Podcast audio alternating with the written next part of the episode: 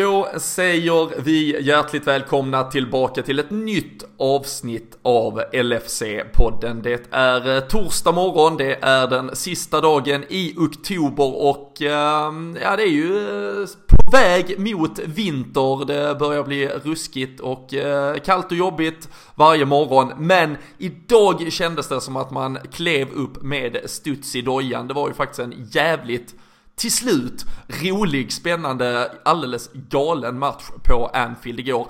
5-5 mellan Liverpool och Arsenal i Carabao Cup. Det blev straffavgörande. Curtis Jones fick trycka dit den avgörande bollen framför De Kopp och ja, nu är ju efterspelet hur Liverpool faktiskt rent logistiskt ska kunna delta i vidare spel. Men eh, det och väldigt mycket mer ska jag prata om med Christian Andersson när vi snurrar igång dagens avsnitt om en liten stund. Och vi ska såklart snacka upp helgens möte med Aston Villa. Men jag tänkte att vi presenterar lite roliga nyheter så här ifall det är någon som har missat det. Vi släppte ju igår nämligen information om att LFC-podden tillsammans med ja, mig själv och många därtill som arrangerar Storträff Syd nere i Malmö. Vi gör ju det ett par gånger per år. Kommer ha ett jäkla baluns den 11 januari.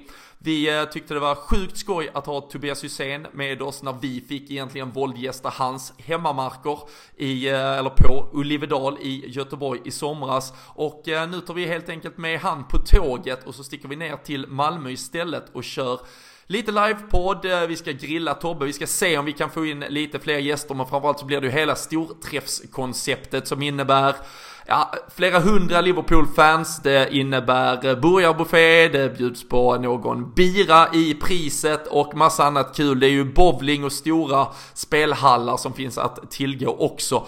Det här kostar alltså bara från 259 spänn. Det är så jädra billigt och prisvärt så att eh, vi hoppas på stor uppslutning. Kan bli sjukt gött att liksom få det där breaket efter jul och nyårshelg om man har behövt stå ut med släkt och familj. Man kan bara koppla bort allt, sticka ut och eh, ha en grym dag tillsammans med alla röda fans som eh, möts upp Tottenham väntar kvällsmatch lördag 18.30. Det blir en hel dag med uppladdning då inför den och vi hoppas ju att det såklart precis som nu är ett Liverpool som slår sig i den absoluta toppen och fortsätter ta kliv mot det där Premier League-guldet. Så eh, boka in den 11 januari, surfa in på lfc.nu. Precis som detta gör vi ju mycket tillsammans med supporterklubben och det är där ni också läser mer om hur ni bokar er plats.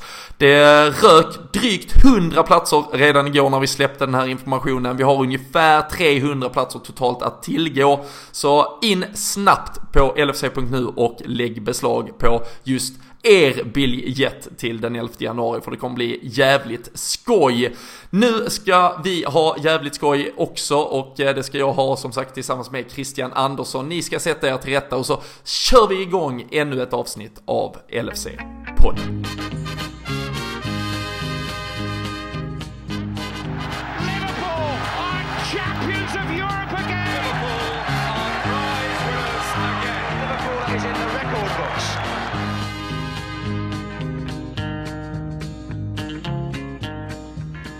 Jajamensan, eh, det är eh, som sagt med studs i dojan idag Krille. Jag känner så i alla fall. Det är den 31 oktober, det är väl Halloween, tror jag, kanske.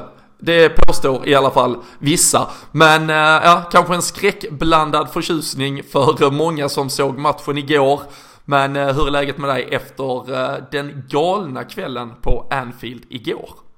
Ja, det är fint ska jag säga. Det var ju en berg och dalbana som vi fick vara med om och det är klart att det skapar känslor också så att eh, lite i det här halloween-tiden med kanske var en sån här skräck eh, berg och dalbana lite. Man kände väl att det, det hände saker hela tiden och det var junisar som fick chansen och det var ett Arsenal som på något sätt kom och gjorde massa mål på Anfield och sen så fick de ändå inte riktigt vara med hela vägen. Så nej, det känns fint. Mm.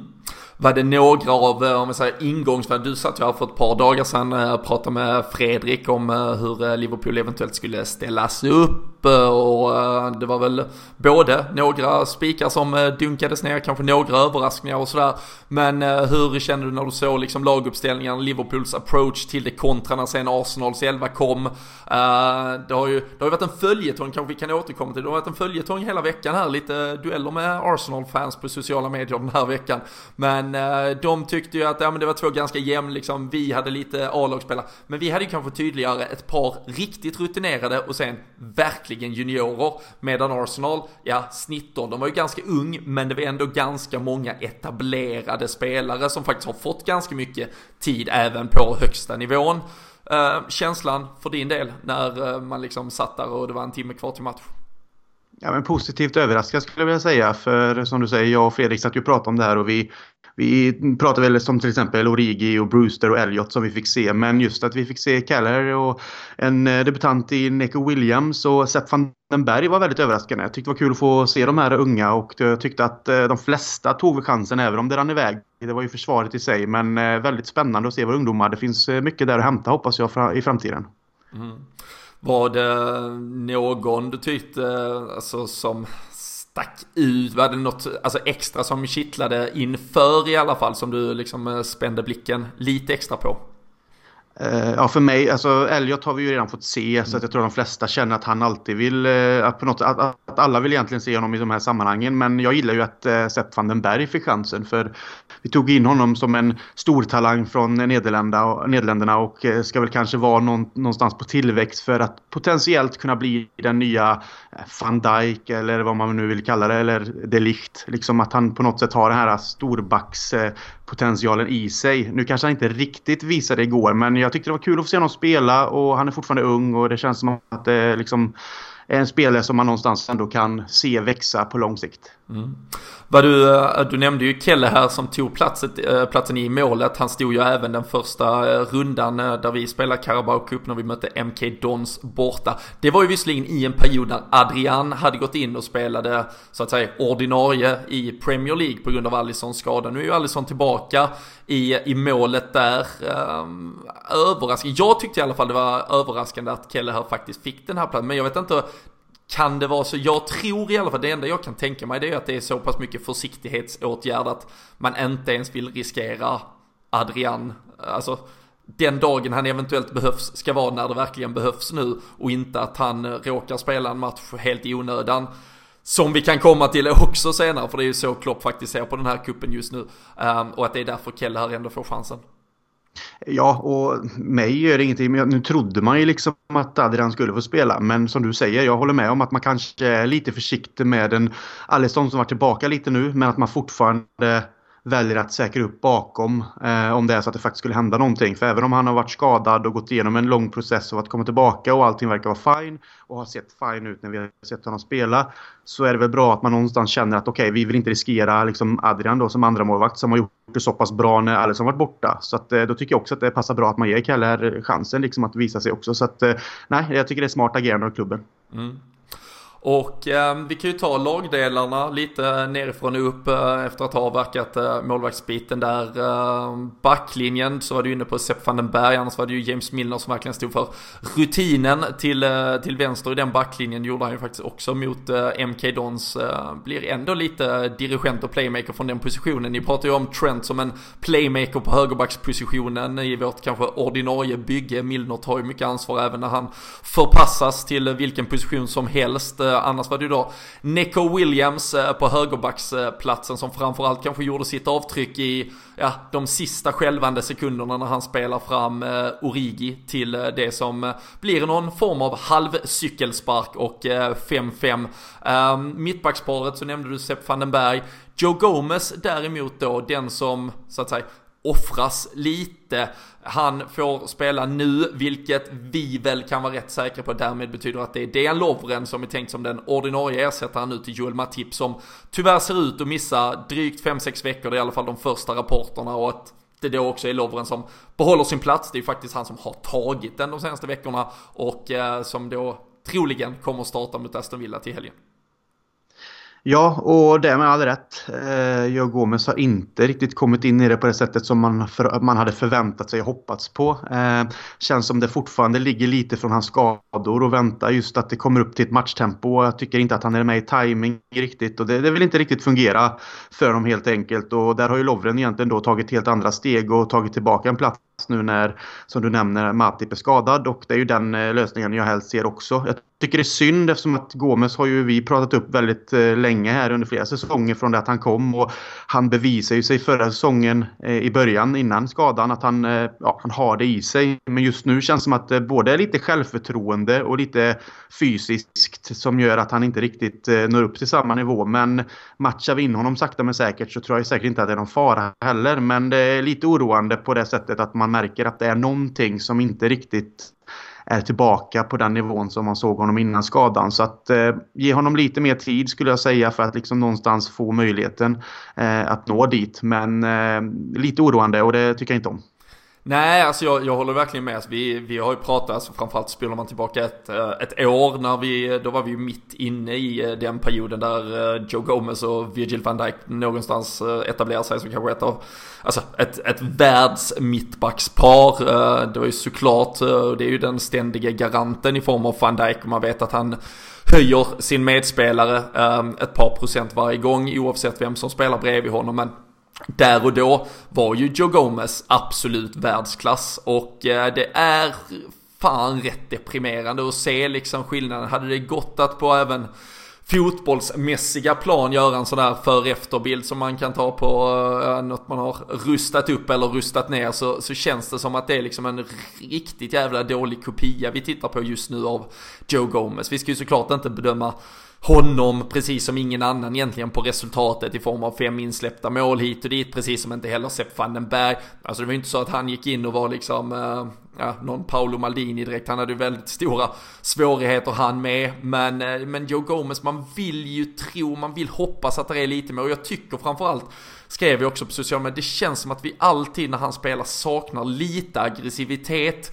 i och kring boxen. Det, vi får inte, nej det är fan, det är ganska tamt när han spelar fotboll just nu och eh, det är klart, skadan kom jätteolägligt. Det kom när han var i ett super, liksom, han var verkligen i eh, alltså katapultstol upp och det liksom, han etablerar sig på, på riktigt liksom i världstoppen kändes det som. Och, eh, och nu är det liksom hela vägen ner till källaren i stort sett. Och jag är ju absolut inte Dejan Lovrens största supporter Eh, uh, om man behöver rangordna spelare individuellt i truppen. Men, men jag tycker det är liksom helt givet. Jag vet att jag kommer sitta och spotta och svära över vissa individuella insatser han gör. Han kommer feltajma någon löpning, han kommer eh, missa någon brytning helt på mittplan och så vidare. Men, men overall över 90 minuter så, så har, ger han just nu mycket mer än Joe Gomez. Och det, det är synd att det är så. Och det, men samtidigt så kan man inte vara, alltså vi kan inte vara behöver, alltså försöka vara liksom större människor än att bara konstatera att ja, just nu är Dejan Lovren bättre än Joe Gomez och då får han spela. Uh, Joe Gomez kanske kan bli, kommer antagligen och vi alla hoppas och tror att han ska komma på rätt köl. Men just nu så, så ser det inte så bra ut. Um, som sagt, det ska inte bedömas på fem insläppta mål, men jag tycker mycket han gör Tycker han är väldigt uh, slapp vid deras första mål, sen vid, vid tredje målet är det väl när han driver boll rakt i egentligen ja, i höjd med eget straffområde så jag spelar ut den till Harvey Elliott i något väggspel som sen slutar med, det är ju såklart jättedåligt av Harvey Elliott men sen får Gomes egentligen fram någon tå som spelar fram Saka fram till, som sen då blir assisten till, till målet och så. Så det, nej, just nu är eh, Joe Gomes tyvärr inte i närheten och eh, uh, Dejan Lovren får vi bara hoppas kan växa då i eh, Joel Matips frånvaro helt enkelt. Ja, och det är intressant det du säger om eh, Joe Gomez tycker jag här. För du säger just att det saknas en aggressivitet i straffområdet eller liksom i egna området kring mål. Och eh, det är det jag, det är det jag ser också. Eh, när, när du liksom säger det och nämner det så är det värt att poängtera. För det känns som att det är någon osäkerhet som cirkulerar kring honom. Det är liksom inte en pondus som vi har sett att han har tidigare och som vi har sett mm, en sån som van Dijk givetvis men Matip eh, liksom växa med. De, de vet att det är deras område, de äger sitt område men Gomes känns som att det är hans självförtroende som har fått sig ett törn och jag vet inte om det beror på att han fortfarande känner sig osäker efter skadan, att man är lite rädd för närkamper eller att det är den fysiska delen av det eller om det faktiskt är så att han, han har tappat lite i det mentala på grund av att han såklart med skadan men också sen blivit petad och sett en Matip typ växa så och sen nästan liksom fäst sig själv i startelvan och går liksom inte peta så länge han spelar så jämte van Dijk. Så det ska bli spännande att se vart det tar vägen här framöver nu när då Matip är skadad och, och Lovren antagligen kommer få, få spela. Men eh, skulle det vara, vara att det händer någonting med Lovren också, en skada, en utvisning, ja då är det ju Gomes vi får faktiskt vända oss till och då, då hoppas man att han är redo. Mm. Ja, nej absolut. Eh, om vi tittar lite längre upp i banan så var det ett eh, välrutinerat eh, mittfält. det var väl egentligen alla de där tre då, kanske även för att inkludera James Milner och Twister som står och knackar på och utmanar det där ordinarie mittfältet. Vi ska ju prata lite om det med tanke på att det finns en varningssituation att förhålla sig till inför Aston Villa-matchen till helgen också. Men väldigt kortfattat kring dem. Oxlade stack ju såklart ut med sitt mål, men vad ger du deras individuella insatser eh, för betyg? Var det någon som tog för sig mer än någon annan? Egentligen är det väl eh, eh, Chamberlain som du nämner som jag tycker tar steg hela tiden från att han också varit skadad länge och kommit tillbaka och inte riktigt hittat sin plats då på grund av att det är en hård konkurrens. Men jag tycker att han går från klarhet till klarhet och jag tycker att vi ser den spelaren mer och mer i honom som vi vet att vi fick från Arsenal och som han också bevisade när han fick spela. Och han gjorde en del mål till exempel som mot City i Champions League, det här långskottet. Och nu kommer ytterligare en jäkla kanon. Och det är lite det man förväntar sig av honom. Man kanske inte tror att det kommer hända i varje match. Men han har ju skottet i sig och att ibland kunna ta de här avsluten utifrån när det känns som att eh, våra ordinarie mittfältspelare inte riktigt kommer till de lägena och heller inte alltid vågar. Så visar han att han både har självförtroendet för det och kvaliteten för det. Så det tycker jag om. Sen eh, tycker jag väl att både Lalana och Keita inte riktigt kommer upp till nivå. Lalana kan man ju diskutera just för att han eh, liksom inte spelar ordinarie. Han gjorde det bra mot United när han kom in, han gjorde mål men jag tycker inte att han var jätte, jättebra igår och Keita blir man inte riktigt klok på för att det finns ju någonting i den spelaren och man vill ju gärna se det men det känns som att det alltid alltid eh, avbryts den här resan man vill se med honom liksom, på grund av lite småskavanker här och där. Så jag börjar bli lite frustrerad när det gäller honom faktiskt. Så därför är jag då glad att faktiskt Chamberlain tar de här chanserna för då kan han konkurrera med de tre ordinarie om vi kallar dem det och mm. kunna komma in och bryta mönstret lite om det krävs. Ja, ja Naby Keita stod väl för en, det får man väl konstatera, väldigt eh, svag och eh, blek insats. Var ju även delaktig eh, i det som eh, kanske James Milner tar på sig. Eh, det är ju han som slår den sista fatala då hemåtpassningen till Kelle här. Men Keita spelar ju, sätter honom i ett ganska dåligt läge. Han går även ut sen då med, med skadekänning. Nu är det väl inte riktigt konstaterat exakt status där. Men som du säger, han hittar ju ingen matchrytm. Det är mycket det här komma in, kanske göra två, tre ganska pigga inhopp. Sen spelar han någon match från start. Sen plötsligt kommer en liten svacka igen. Sen kommer en liten skada och det det är ju inte, alltså det är fortfarande drygt ett år bara in på hans Liverpool-karriär och det är ju mycket skador till och från men precis på samma sätt som, som jag framförallt och jag vet många med mig sitter och kanske bedömer en Adam Lallana som, ja men vad fan är han skadad hela tiden? Även om han är bra när han spelar så kan vi inte lita på honom och vi kommer nog komma till ett skede kring när Keita där har han inte börjat etablera sig på riktigt och liksom vara i alla fall om man säger uttagningsbar uh, när den här säsongen börjar liksom närma sig i alla fall sin ja, avslutning och upptrappning i form av att det är väldigt viktigt att ha riktigt bra spelare tillgängliga hela tiden. Det är avgörande matcher, eh, det kommer Champions League-slutspel och så vidare. Och ser vi återigen att han liksom faller i skymundan helt då och inte varken rent fysiskt kan bidra och när han väl är på plan kan det. Det kommer ju vara ett problem. Man vet ju vilken högsta nivå han har, men eh, ja, man vill gärna få ut den snart också eh, för att det ska bli något. Eh, annars eh, håller jag med dig, väldigt kul med Oxlades mål där, var ju mot sitt forna arbetsgivare. Man hoppades lite på att han skulle göra en Adebayor-löpning och uh, skicka hela vägen ner till Annie Road End och glida på knän framför Arsenal-fansen. Men uh, när man reducerar uh, till 4-3 så kanske man är lite mer behärskad. Han skrev ju också efteråt att han visade respekt till sina, så att säga, före detta fans. Någon som skrev väldigt roligt också, varför buar Arsenal-fansen åt Oxlade? Han spelar ju inte i deras lag längre. Det är lite kul med tanke på Granit Xhaka i veckan och sådär. Ja, så, sånt älskar man ju bara. Ja, ja men verkligen. Uh, mycket har ju varit så sagt lite banter mellan Arsenal och, och, Liverpool den här veckan. vi, vi sänkte Tottenham förra och så fick vi ta oss an Arsenal-Twitter denna veckan. men vi återkommer till kanske lite historia kring det. Men nej, Oxlade fick ett mål i alla fall, en, en dunderträff, en riktig pärla. Hans femte, eller så, fem av de fem senaste målen han har gjort allihopa. Alltså har ju kommit utifrån boxen så där bidrar han ju med något annorlunda och eh, något som kan behövas och um, igår eh, satte det ju fart uh, några minuter senare bara så fick ju Origi in kvitteringen även om det sen både blev 5-4 fram till vi började kvittera till 5-5 igen. Det var ju en helt uh, galen match och uh, det är väl egentligen bara anfallsuppsättningen vi har kvar och de kan vi egentligen väva in i kanske det kronologiska som hände. Det var ju en Ryan Brewster som var framme påpassligt i det som ändå blir ett självmål. Det är ju Mustafi som slår in den till 1-0 och sen när, efter att vi hade tappat det till hela 3-1 ett så eh, gick Harvey Elliott i backen och eh, fixade en eh, straff. Ehm, sen var det ju Origi show framåt slutet där. Ehm, men det jag känner, det jag fastnar lite vid och som jag också skrev och jag märkte att man fick lite reaktioner på det på sociala medier igår. Det var ju den här delvisa farsen som det blev när nu plötsligt Premier League-domare skulle klara sig utan VAR. VAR har ju varit ehm, något som fått utstå enormt enorm kritik, men eh, utan eh, detta verktyg Krille, då kunde Arsenal först kvittera till 1-1 genom eh, Torera från solklar offside-position. Två Arsenal-spelare i offside till och med. Sen ska väl vi faktiskt ha en straff när den tar Bellerin, tror jag det, på handen. Väldigt solklart.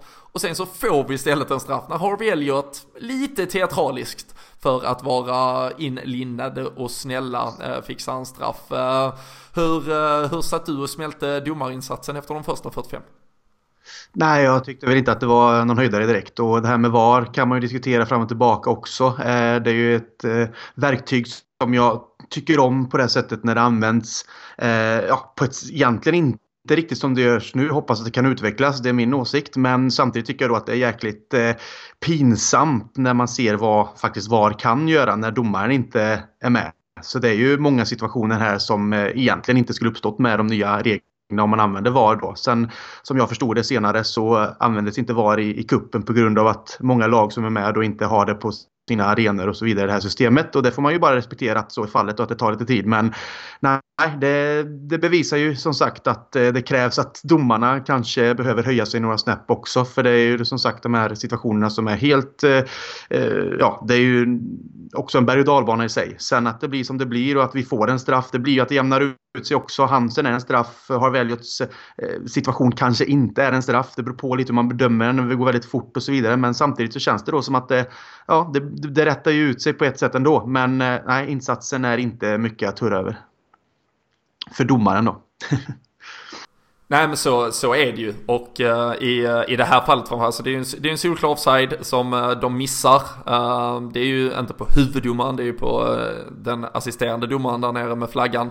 Men något som VAR hade rättat till.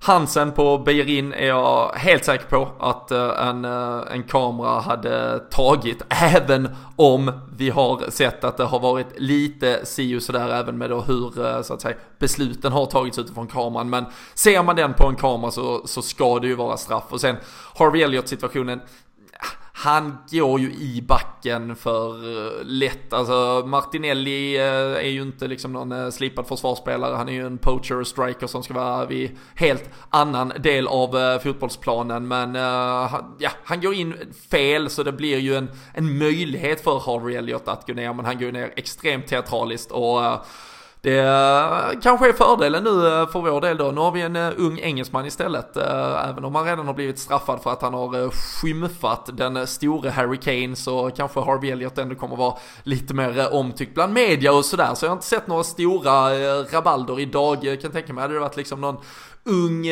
så här, spansk, argentinsk, afrikansk talang som hade kommit hit och det första han gjorde var att gå i backen och vara asglad för att ha löst en billig straff då hade kanske eh, medianarrativet varit lite annorlunda i alla fall. Så det är väl, ja, jag vet inte om det är en fördel eller nackdel vad det lider. Men eh, nej, jag tyckte det var dåliga insatser där. Eh, som du säger, visst straffarna jämnar ut sig. Men jag tycker ändå det visar att VAR är Tyvärr, vare sig man vill det eller inte, vägen framåt. Sen måste det verkligen utvecklas. Men eh, jag skrev med nu, jag tycker ändå det är tre solklara felbeslut. Eh, eller till 98% felbeslut i alla fall, tre stycken i första halvlek. Jag tror inte Liverpool, vi har ju pratat om framförallt United-matchen fastnade vi ju vid det. Det tyckte vi var ett solklart fel. Men annars de här supersolklara felen, man, alltså tolkningsfrågorna som var ändå lämnar, de är ju kvar. Men att de här svarta eller vita direkta felen, de tycker jag ändå har till stor del, i alla fall om vi tittar på Liverpools matcher, faktiskt varit ganska få. Vi hade ju någon offside mot Chelsea borta som ja, var går in och ser, löser. Och det är ju bara rätt egentligen. Så nej, jag, jag tycker fortfarande, och jag tyckte eh, gårdagen var lite eh, vatten på min kvarn, att eh, VAR är i alla fall en väg vi tyvärr måste vandra vare sig vi vill det eller inte om vi åtminstone vill ha några rätta beslut i de här fotbollsmatcherna.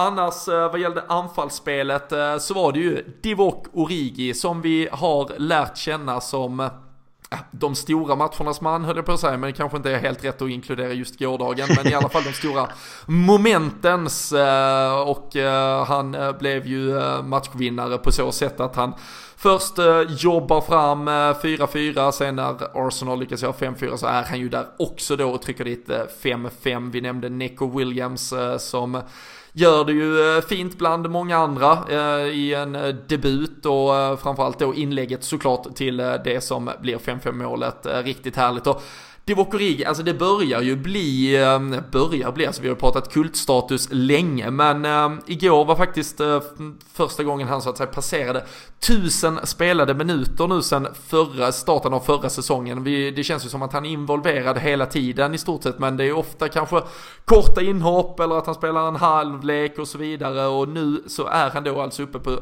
1049 minuter, han har totalt varit involverad i 34 olika matcher, varav 12 starter bara. Han har skjutit 24 skott och gjort 10 mål. Han har alltså en 42% så att säga shot conversion och det är alltså, det, det är sinnessjuka siffror han har och eh, Igår dessutom, och man hörde honom efteråt, han leder ju det här laget lite. Där var ju många vi pratade, det var ju ett par rutinerade spelare. Men det är ändå han som tar tag i det till slut och det är ju en jävla transfer. Pratar vi om Joe Gomez, eh, kanske rutschkana neråt, så är det ju ett eh, fyrverkeri ja, en fyrverkeripjäs upp i eh, fjärran om vi jämför med hans status i Liverpool för ett år sedan.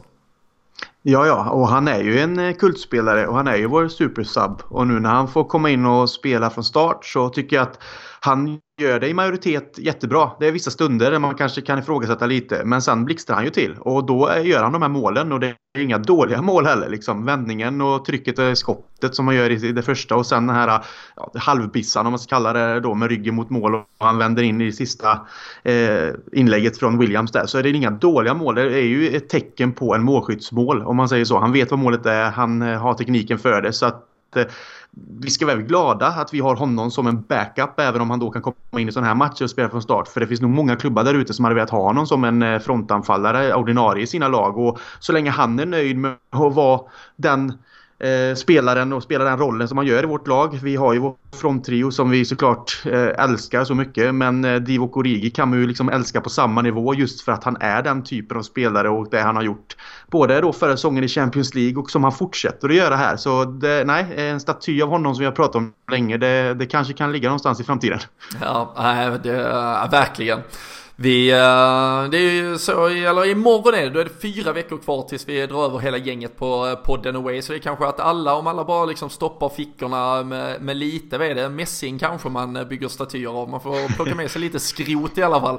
Så får vi väl stå och smida järnen utanför Anfield. Sen Vi är ju trots allt typ 50 pers. Så nej, han fortsätter att leverera i alla fall. Vi har ju även kylan själv från straffpunkten när det väl skulle avgöras avgöras och eh, väldigt roligt där som Klopp kommenterade efteråt var ju att eh, Divock Origi, han sa, eller Klopp sa det själv att ja alltså senast jag tittade på vår lista så stod det att Divock Origi skulle vara femte straffskytt, eh, Curtis Jones fjärde. Men eh, den unge scousern där då, bara 18 år gammal, han eh, som det verkar och det enda vi kan i alla fall kunna förstå av situationen och det man har fått läsa sig till och höra efteråt, bett Divock Origi om att förslå den femte avgörande istället. Ganska kyligt och eh, efter att alla hade gjort sitt jobb och Kelle här hade plockat Danny Ceballos straff så fick han avgöra framför eh, De Kopp. Ehm, de här delarna kring, alltså det var i alla fall det jag kände, alltså det var ju såklart en galen match eh, på alla sätt och vis. Det blev, man hade ju bänkat sig, jag tror många med mig hade bänkat sig för att, ja vi får se vad fan det blir av det här. När det stod 3-1 till Arsenal efter en dryg halvtimme tror jag de flesta liksom, ja, det blev en tidig kväll, nu är vi ute ur kuppen fine. Jag tror inte många slet sitt hår och höll på att dö av liksom uh, panikattacker kring det resultatet. Men sen utvecklades ju kvällen, det blev en galen match på alla sätt och vis.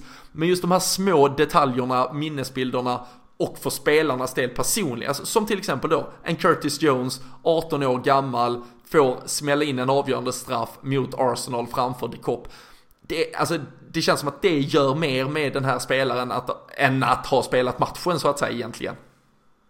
Ja, det känns ju som en sån här tidig milstolpe i en karriär som kan någonstans bära långt. För jag menar, det här är någonting de kan ta med sig och bygga vidare på. Alla de känslorna som kommer från det. För som du säger, att spela matchen, det är ju såklart stort i sig. Men att faktiskt få vara den då unga scousen som får lägga upp straffen, sista straffen i det här fallet och liksom avgöra mot Arsenal i ett kuppspel framför The Cop. Det, liksom, det är ju någonstans en början förhoppningsvis på en fin skriven historia. Och jag tror att det är någonting att växa med. De får känna på känslan hur det faktiskt känns. Och det är inte alla som får göra det. Trots att de kanske får en del matchande och är unga talanger. Så är det just de här eh, speciella tillfällen som jag förhoppningsvis, liksom, som jag tror i alla fall, kan få en, en, liksom en, en startbräda någonstans, en språngbräda framåt för de här unga killarna. Att verkligen känna att är det så här det känns, det här vill jag ha mer av och att hungern och allting för att bli en etablerad spelare i framtiden eh, faktiskt ökar. Och det tycker jag är underbart att se våra unga juniorer göra det här jobbet och att liksom psykiskt hela tiden också komma tillbaka trots underläge. Så att de, de nöter på, de gör ett underbart jobb och sen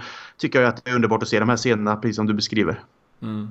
Nej, men äh, verkligen. Och det var han som då tryckte ner äh, spiken i den kistan. Äh, Arsenal äh, åkte ut ur kuppen. Liverpool gick vidare.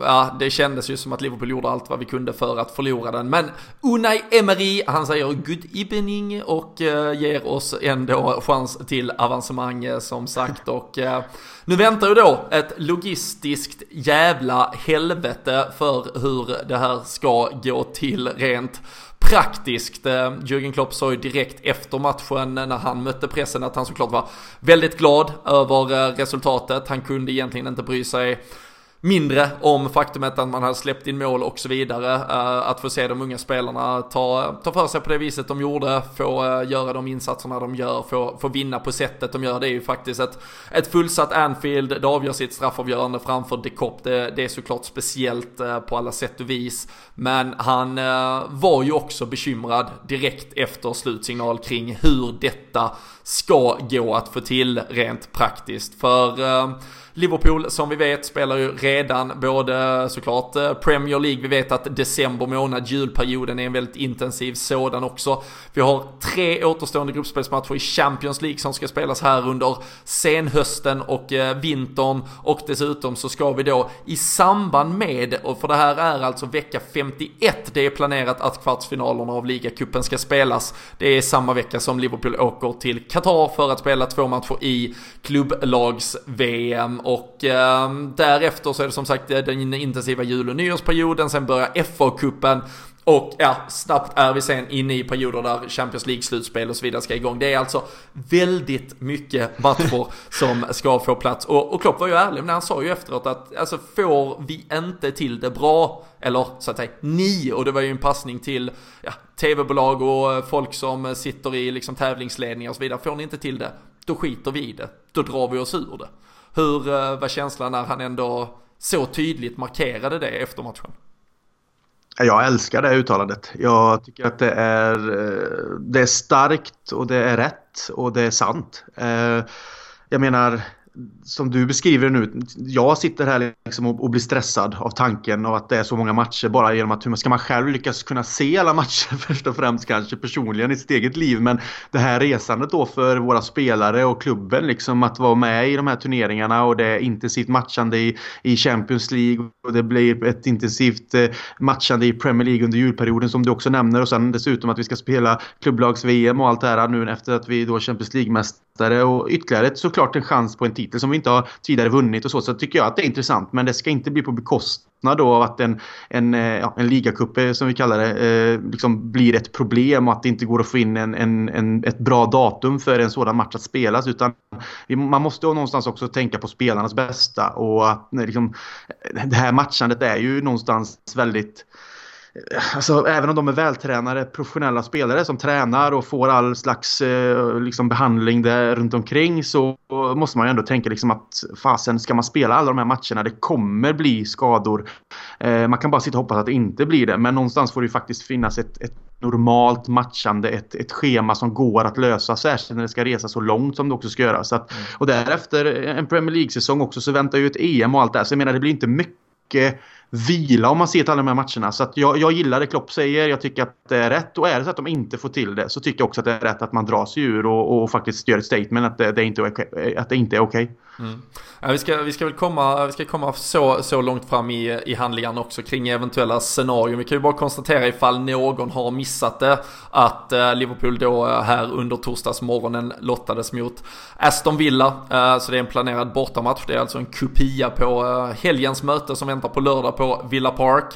Och i de övriga kvartsfinalerna så hör och häpna nu. Manchester City de fick Oxford United på bortaplan och Manchester United de fick Colchester på hemmaplan. De hade ju visserligen stora problem med Rochdale på hemmaplan i förra omgången så det kanske blir ganska tufft det här med.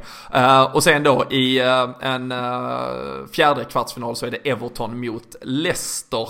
Uh, kan man ju nästan tro att uh, diverse uh, involverade parter har tyckt att det kunde vara kul om Manchesterlagen och Liverpoollagen gick vidare och fick spela något Merseyside-derby och Manchester-derby den här annars ganska trötta turneringen så att den skulle få något mervärde kanske. Och som av en slump dessutom så är det redan lottat så att ett United-lag spelar ju, eller ett Manchester-lag spelar hemma och ett borta och ett Liverpool-lag hemma och ett bort. Men det är såklart helt fri lottning, helt utan några som helst eh, skrupler överhuvudtaget. Men eh, det kan ju bli eh, Aston Villas, eh, någon så här, Klopp pratar ju om att alltså, Alltså, får, är det inte på förhand klart så kanske det är att vi kan dra oss ur och att man faktiskt ger tillbaka platsen till Arsenal. Han, det är egentligen inget han lägger jättemycket värde i eller att man då helt enkelt lämnar VO och att i detta fallet i så fall Aston Villa skulle gå direkt vidare just det här scenariot där någon drar sig ur en kupp som redan så att säga är igång har ju inte, i alla fall än så länge vad jag har kunnat läsa mig till, hänt eller blivit aktuellt. Däremot så finns det ju från säsongen 2000 eh, efter att United, eller då 99-00, efter att United i slutet av 99 säsongen hade ju tagit sin bejublade och hyllade trippel, så var de och spela klubblags-VM i Sydamerika runt årsskiftet då 99-00 och då drog de sig faktiskt så att säga på förhand ur FA-cupen som eh, vi alla vet annars startar där kring 13-helgen, första helgen i januari. Så de tackade helt enkelt helt och hållet nej till FA-cupen. Ehm, det skulle ju kunna vara ett alternativ för Liverpool huruvida det kan hjälpa just den här Aston Villa-matchen att få in. Det återstår ju lite att se, men jag har ju märkt att många som kommenterar och så vidare skriver att ja men det är bara, vi spelar U23 istället och så. Problemet är ju, alltså det är ju en hel stöttapparat, alltså det är ju med lagledning, det är, det är Klopp, det är Linder, alltså vi måste snart börja klyva folk till höger och vänster för alltså från den 23 november fram till den 11 januari så har vi just nu ingen dag, alltså, eller ingen period där vi redan, där vi har mer än tre dagars vila. Så i så fall ska du in och lägga en match så att vi kommer att spela tre matcher inom loppet av sex dagar. Och det är fysiologiskt, alltså det är omöjligt, det går inte. Jag, jag satt bara och tittade lite på den. Jag, jag, jag har skräddarsytt lite här i mitt huvud nu Chris. Jag tänker, jag ger dig tre alternativ i alla fall om du hade fått välja. Och alternativ ett, det är att vi bara drar oss ur ligacupen. Vi, vi, känner, vi får inte ihop det. Alternativ två är att den spelas lite där som planerat. Vi ska nämligen spela den 18 december, ska vi vara på plats i Qatar och spela. Ett alternativ skulle kunna vara att man trycker in och då spelar vi den 14, spelar vi redan mot Watford. Det blir ju såklart typ bästa elvan och det är ungefär den elvan som till stor del säkert ska åka och spela i Qatar. Vi får se lite hur de väljer att växla och vila och hur seriöst vi tar den turneringen. Men att man kanske där då, typ den 16 trycker in med att B-laget, typ med Pep Linders, stannar och spelar matchen mot Aston Villa medan resten av gänget har stuckit till Qatar och så får de efterslänta lite. Då kan vi trycka in det. Eller att man försöker förhandla fram så att vi spelar vår kvartsfinal av ligacupen runt i och runt den där helgen som FA-cupen annars skulle ha spelats. Det är ju såklart Aston Villas matcher som ska parera det med och så istället så skiter vi i FA-cupen alla Lex United. Tre alternativ, jag vet inte om du har tänkt på något annat eller om eh, det är något av de här som känns aktuella ens. Men det är ju en jävla djungel här som vi, vi får ju ta ansvaret nu när ingen annan gör det helt enkelt.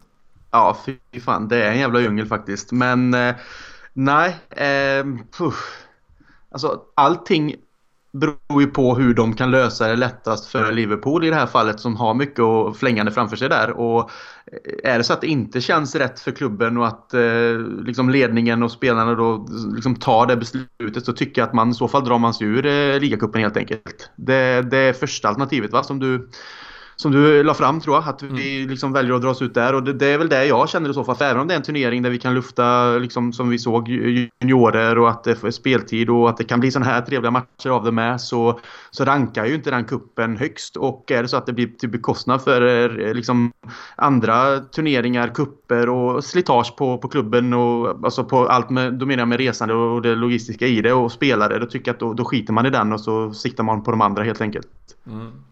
Det är, ju, det är ju ganska kul eh, också när man tänker när man pratar där med prioriteringar av de här kupperna faktiskt. Eh, sidospår, men det är alltid kul att få, få med sig. Jag såg igår eh, kom lite siffror kring Liverpools finansiella styrka och de, klubben tjänar numera drygt 6 miljoner pund om året från eh, sin YouTube-kanal. Nya moderna fotbollen kan man ju eh, prata länge och mycket om. Och det är alltså mer än vad man tjänar på att vinna till exempel Carabao Cup. Till och med vad man tjänar, mer än vad man tjänar på att vinna både Carabao och FA-cupen tillsammans. Nu ska vi såklart ja. inte bara prata pengar utan det finns ju såklart ett större värde och kanske, jag tror fans firar mer att man lyfter FA-cuppokalen än att man lyfter en check på 6 miljoner från YouTube. Men det säger ju lite om att man ändå måste förstå kanske hur hela den sportsliga ledningen som ska förverkliga kanske den stora, stora drömmen av att vinna Premier League och Champions League och så vidare resonerar ibland kring eh, de här sakerna. Men äh, jag tycker, för det första, jag, jag ser faktiskt inte lösningen. Alltså jag, jag kan verkligen inte hitta lösningen. Däremot om det skulle kunna gå att vara en lösning att vi spelar någonstans kring den egentligt tänkta fa helgen Men det är ju såklart i, det handlar ju väldigt mycket om Aston Villas match också. Då hade jag fan kunnat åberopa det här liksom Lex United, att vi skiter i att ens gå in i fa Cup. Alltså nu har det, det har varit för mycket matcher. Vi kommer komma in i en period där i januari där det kommer vara jävligt skönt att bara säga, vet du vad, nej vi skiter i det här. Vi slipper gärna. Dessutom är FA-cupen redan planerad så att den ligger med datummärkt för ett par helger. Vilket gör att skulle vi kunna skita i dem på förhand, nu kanske vi åker ur direkt och då får vi ändå de där lediga. Men annars då vet vi att vi har ett par helger lediga för rehabilitering och vi vet att i vår, då kommer det vara gå för ligaguldet, göra vårt jobb i Champions League. Kan vi då slippa FA-cupen? Ah, I'm fine with it, verkligen. Och dessutom så tycker jag att de här unga killarna som nu ändå har tagit oss framåt här i ligacupen. Jag tycker det hade varit jävligt synd för, för jag hoppas verkligen, hittar vi lösningar och vi faktiskt fortsätter spela hela vägen, då hoppas jag ju faktiskt att vi kanske rent av tar oss till en final och rent av även då spelar en final med Neco Williams och Harvey Elliott och Koimin här och så vidare. Och eh, det tycker jag fan de är värda, så mm, det är svårt. Uh, någon annan får gärna vara mycket klokare och smartare än mig och hitta en lösning här, men ja, hittas den inte, står stå valet i kvalet mellan att gå ur ligacupen eller att kunna skita i FA-cupen av att rent av börja spela den.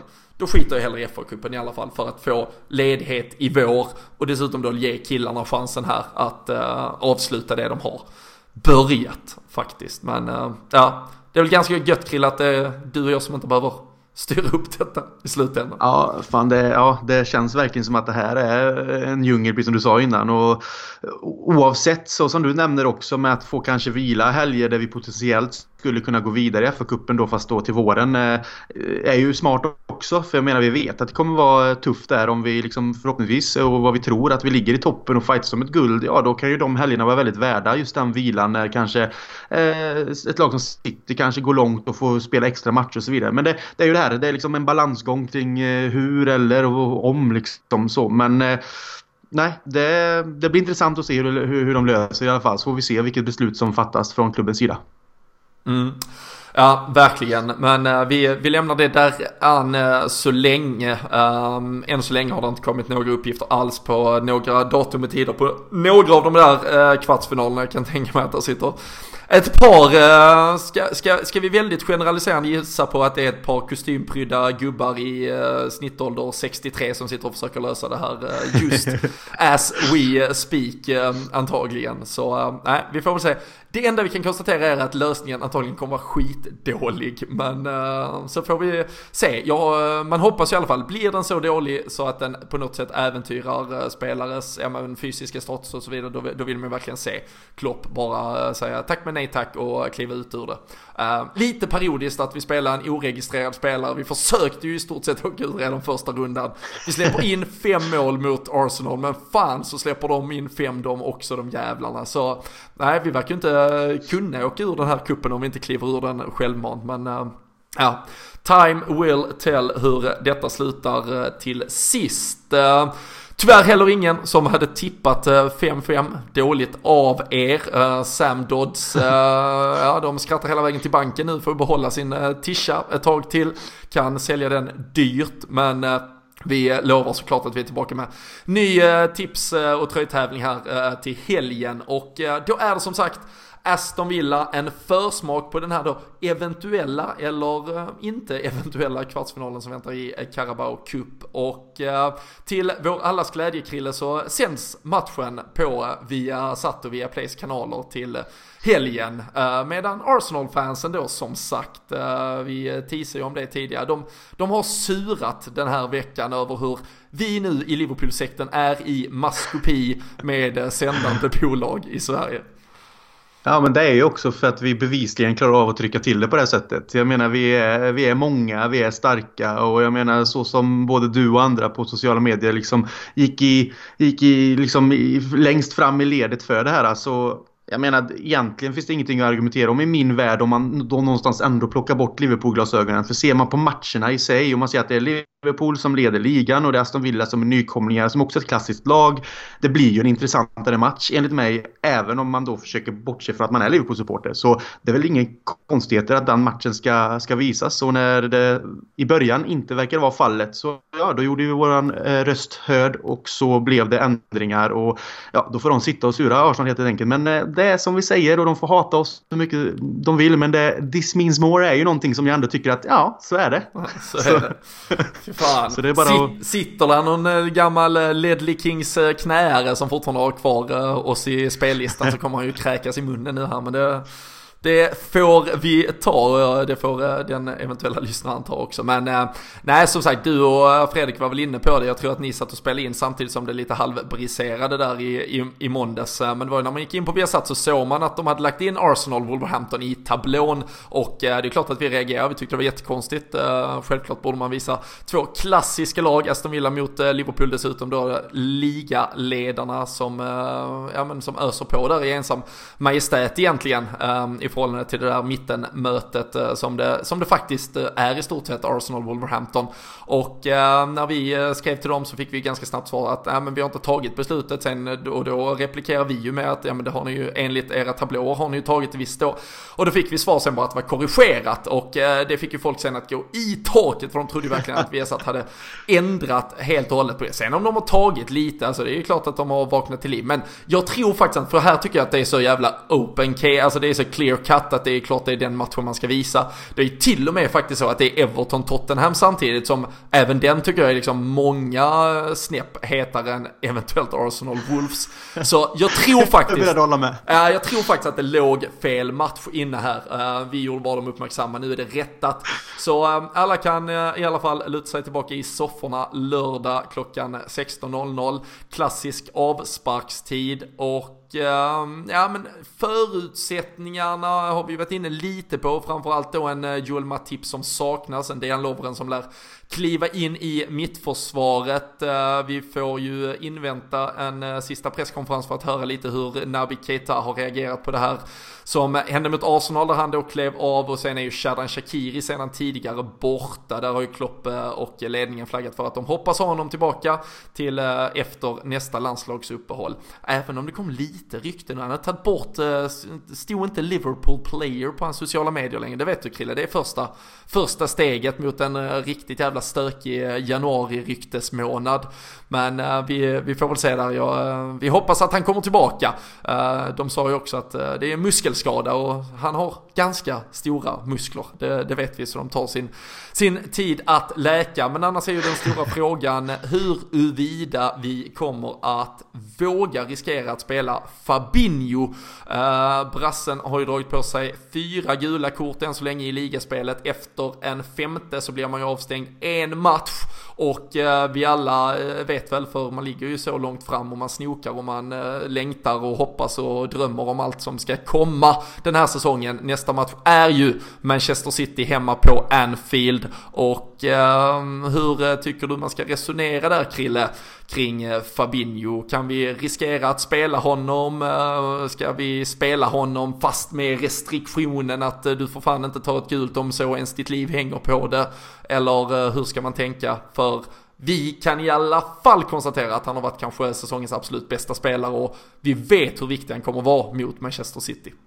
Ja, jag direkt ställer mig i den kören och säger att att vi liksom eh, låter honom hoppa över mot Aston Villa. Jag tycker att vi har tillräckligt duktiga mittfältare för att sköta den ändå. Det går att laborera om lite. Eh, jag vill inte att han ska stå utanför mot City. För den spelaren han är, den väggen han är framför backlinjen, den kreativa spelaren han är framåt också, vilket han har bevisat. Liksom det, den pondusen som han har liksom någonstans låtit växa runt omkring sig. Han krävs mot City och det är en match som vi liksom ska gå in och vinna. För kan vi ta det extra steget mot dem på hemmaplan och ta de här tre poängen så då känner jag att vi har stor chans och borde ändå vinna borta mot Aston Villa i det här läget utan en Fabinho. Så att eh, nej, ingen idé att riskera honom enligt mig. Mm. Vem äh, tycker du i så fall går in på det mittfältet? Jag antar att du äh, och äh, Jörgen Klopp lär tycka detsamma, sätter tillbaka Gini Wijnaldum och Jordan Henderson, men det ska ju in en tredje gubbe också i så fall. Ja, alltså jag satt ju här innan och hyllade en Chamberlain för den insatsen han gjorde nu mot Arsenal här. Men sen att det är på bortaplan mot en nykomling som man inte riktigt vet vad man har än känner jag. Liksom. Aston Villa är ett klassiskt lag med en fin arena, bra fans och man vet ju att de här nykomlingarna, även om vi är ett nytt Liverpool så krävs det kanske lite mer en arbetarinsats också. Så jag skulle nog gärna peta in en Milner i så fall på, på mittfältet och så att eh, ja, antagligen en Wijnaldum skulle gå ner i Fabinho-rollen så som jag ändå har sett han spela det senaste. För det tror jag att han skulle kunna göra med, med bravur och så har man James Milner och Henderson som då ligger och pressar och kommer framåt. Sen att de inte kanske är de mest kreativa spelarna men just arbetsmässigt så tror jag att de skulle göra ett bra jobb mot Aston Villa på bortaplan. Mm. Jag, tror, jag tror också att det är den startvägen. Jag, jag tror hade Naby Keita gått in och gjort en uh, riktigt, riktigt, alltså fin insats visat alltså, att han liksom styrde och ställde på Anfield igår och sen dessutom såklart gått av på eget bevåg och inte med några känningar alls. Uh, så tror jag han hade kunnat uh, var aktuell. Um, jag vet, jag har en liten gnagande känsla tyvärr över att Klopp faktiskt kommer spela Fabinho uh, och liksom ha honom med lite restriktioner och sen plocka av honom kanske med en halvtimme kvar och så vidare beroende på hur resultatet ser ut. Men eh, jag, jag hoppas ju personligen på att vi vilar honom. Jag hade inte, alltså det är en mardröm om vi skulle behöva vara utan honom mot City. Eh, förra säsongen så var vi utan honom i ja, de två hemmamatcherna vi inte vann, det var mot City och Leicester, då spelade han inte. Den matchen Nej. vi förlorade, det var City borta, då spelade han inte. Han har sen han kom till Liverpool nu startat 30 matcher, vi har vunnit 25 och eh, spelat 5 oavgjorda i ligaspelet alltså. Så det är, alltså det är ju det är ruskiga siffror han sitter på och eh, det är klart han är superviktig, ett nav i eh, liksom det nya Liverpool. Så ehm, Ja, jag hade nog, om jag bara skulle behålla ramarna så hade jag nog också gått på det mittfältet eh, som, som du eh, nämner där. Sen såg vi ju faktiskt förra säsongen att vi vid stunder när vi plockade in Sherdan Shakiri i startelvan gick över lite på en 4-2-3-1 och med tanke på att Divock Origi har den formen han har så skulle det kunna vara lite kittlande också att spela ett mittfält med Gini Wijnaldum och Jordan Henderson lite understödda av då en Firmino som droppar ner och eh, få in både Salah, Mané och eh, Origi framåt för att liksom ja, inte ens ge Aston Villa en chans utan den här dödar vi på första timmen. Men eh, den ligger nog lite längre ifrån men jag tycker ändå den tanken kittlar lite att man hade kunnat eh, twerka det eh, i offensiv eh, riktning. Men eh, poddens eh, beslut är väl i alla fall att Fabinho ska, han kan ligga hemma och kanske gå på någon grillkväll hemma hos Allison sen och njuta av livet lite helt enkelt. Han fick ju vara helt ledig. Fan ge pojken ledigt helt enkelt. Eh, ja, ja men mardrömsscenariot är ju att han sköter sig liksom i stor, stora delar av matchen. Det är inga farliga lägen så, men så kommer det här, vi leder med 1-0 eller 2-1 liksom enmålsledning och så kommer ett läge där de får ett break och så står han i liksom en position där han nästan till måste ta en taktisk ett taktiskt gult kort. Alltså, och då kan han egentligen inte i det läget. Och då skulle det potentiellt kunna utmynna i att vi bara får med oss kanske en poäng om vi ska dra den. Och det är ju, den tanken blir så här, nej, då är det bättre att ha en mittfältstrio om vi ställer upp på det sättet som kan göra det jobbet och ta den, det gula kortet och, och, och gå in med eh, i tackling och känna att det inte är någon fara. Fabinho måste ju hålla tillbaka lite och jag tror att det stör vårt spel mer än, än liksom, eh, att det är positivt i det att han spelar med restriktioner. Det känns som att det, då blir det lite försiktigt, trampa omkring på tårna och inte få göra dittan och dattan. Och jag tror inte att det är är positivt för vårt sätt att spela. Utan då är det bättre att ställa upp ett mittfält som kan gå all in och så får vi med honom mot City och så kan vi köra över dem också helt enkelt. Ja och problemet är ju att eh, dummar, eh, framförallt nu för nu ska ni fan håll i er. Det är alltså John Moss som är huvuddomare. Han har ju gett Liverpool tror det är tre röda på de fyra senaste matcherna han har dömt oss. Vi eh, förlorar eh, typ varje gång han dömer. Och eh, Martin Atkinson, hör och häpna, som sköter VAR-rummet. Så, så det kan ju mycket, alltså fan, du behöver ju inte, alltså du kan ju gå in och hålla dig i skinnet och vara helt briljant men uh, du kan ju mycket väl ryka på något gult ändå för att någon av de där blinda hönorna ser någonting uh, genom, ja, jag ja, vet inte. In, ingenting uh, talar för att Fabinho ska starta.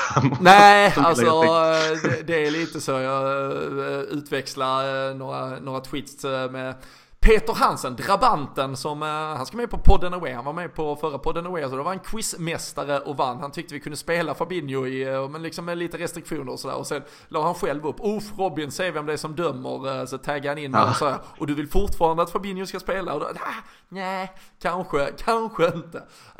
så, Sidospår, han kanske kommer upp till Norrköping på lördag för att se matchen. Om min förkylning har lagt sig så är han i Nyköping och ville ta sig hit. Så då ska vi diskutera det inligt beroende på om han spelar eller inte Fabinho, det kan jag lova. Ah, fy fan det låter jäkligt bra. Hur eh, tror du att eh, matchen på Villa Park eh, slutar eh, då? Ett eh, Aston Villa som eh, ligger på 15 plats i tabellen, som du var lite inne på, blandat och gett här högt och lågt senast så lyckades de ju faktiskt hålla 0-0 mot Manchester City fram till paus. Innan dess hade de dessutom två raka vinster, men sen så var det ju proppen ur som det ofta blir på Etihad. City tog en ganska komfortabel vinst, men ja, ändå mm. en sån där historisk match och allt det där som ändå gör det lite speciellt. Ja, jag tycker ju det. Alltså, jag gillar ju ändå Aston Villa som klubb och allt det här. Alltså, och har, fått vara där några gånger på Villa Park med. Och, ja, just nu när de är nykomlingar och så, så tycker jag att det är jäkligt svårt att sätta dem i något fack än så länge. Man kanske blir lättare ju längre säsongen lider såklart, men känslan är att vi ska kunna göra jobbet här också. Vi har ett så pass bra lag, vi leder ligan, självförtroendet är starkt, vi är eh, kvalitetsmässigt så mycket bättre än Aston Villa, med all respekt. Så eh, någonstans tror jag att det kommer bli lite tufft. Men får vi in ett mål så tror jag att det blir en liten propp ur också. Så jag skulle säga 1-3 då. Så 3-1 till Liverpool. Det tycker jag faktiskt låter, så, så att uh, lite här i min egen värld, vad fan tror jag, vad tror jag egentligen? Så kom jag på 3-1 och sen hörde jag dig säga det så det kändes lite jobbigt men jag tycker vi tar det som ett tecken, vi brukar alltid försöka hitta på andra eh, resultat och så här istället utan ta med 3-1 när vi sitter på så delad styrka kring eh, det här resultatet. jag, jag tror det kan bli ehm, sådär lite segdraget första halvlek, tror inte liksom att vi kommer dit och bara flyger ur blocken och kör över dem. Det kommer vara en Alltså, ja, du var inne på en, en match för deras fans liksom. Det är, det är Liverpool som kommer tillbaka. Det är liksom kanske sådär, alltså visst, man kommer tillbaka till Premier League, det är ett kvitto sen, men att plötsligt få börja spela de här matcherna på hemmaplan är ju kanske det där riktiga kvittot när man eh, samlas med polarna och liksom, nu ska vi fan åka och se vårt älskade hemmalag Aston Villa mot Liverpool och inte mot mm. Preston North End eller uh, Barnsley eller vem det nu är. Alltså det är, det är ju klart att, så det kommer nog vara ett Arsenal eller Aston Villa uh, blandar man ihop här, men uh, ett Aston Villa som har fansen i ryggen uh, direkt uh, som kommer ut, som kommer vilja liksom ändå visa lite. Uh, tror inte vi kommer få se lika defensiv insats som av Sheffield United, alltså som någonstans kan gå rakt in och spela cyniskt. Alltså det köps ju såklart av hemmafansen. Det gjorde det visserligen även för United och Old Trafford-fansen, men Aston Villa, jag tror de ändå kommer kliva på lite mer. Men kan mycket väl också vara en match som liksom böljar lite, står 0-0 eller 1-1 i paus eller 1-0 hit och dit och sådär. Men vår tyngd ska ju såklart kunna avgöra detta. Så nej, 3 tycker jag låter bra. Eh, jag tycker vi eh, står fast vid det enat och starkt här i podden eh, istället. Och så får ni där hemma surfa in på Twitter och eh, göra er röst hörd. Vi kör ju tröjtävling tillsammans med Sam Dodds där inför varje match. Och eh, då tippar ni resultat, sista målskytt och minut för sista mål. Man gör det alltid genom att svara på tweeten som vi lägger ut med all den där informationen. Inget sånt här att man citerar eller man svarar någon kompis som har råkat tagga eller retweeta eller något. För då hittar vi inte grejerna. Utan det är bara raka svar i den tråden som följer som är med och tävlar. Så tänk på det och eh, som sagt eh, från början här av avsnittet så har vi nu också öppnat upp anmälningar till det som är någon kombination storträff eh, Malmö och eh, LFC-podden live tillsammans med Tobias Hussein i Malmö den 11 januari. Ett eh, drygt hundratal eh, platser eh, rök första dagen, första dygnet. Vi är knappt uppe på 24 timmar faktiskt, men eh, det var fullt eh, blås i luckan direkt. Eh, vi har ungefär 300 platser totalt, så eh, signa upp er. Eh, gött break där. Vem vet, kanske blir eh, Aston Villa-Liverpool som förmatch där i eh, kuppen också. Det kanske är sista datumet vi kan spela den. Men eh, nej, ehm, det är eh, mycket kul som händer. Det är också bara några veckor som sagt kvar tills vi drar på podden away. Då kommer det ju bli ja, riktigt jävla baluns. Men eh, nu ska vi först och främst se till att piska dit Aston Villa, befästa vår plats i eh, tabelltoppen. Eh, ni ska som vanligt ha ett stort tack för att ni har varit med och lyssnat. Vi hoppas ni får en skön avslutning på veckan och så hörs vi snart igen.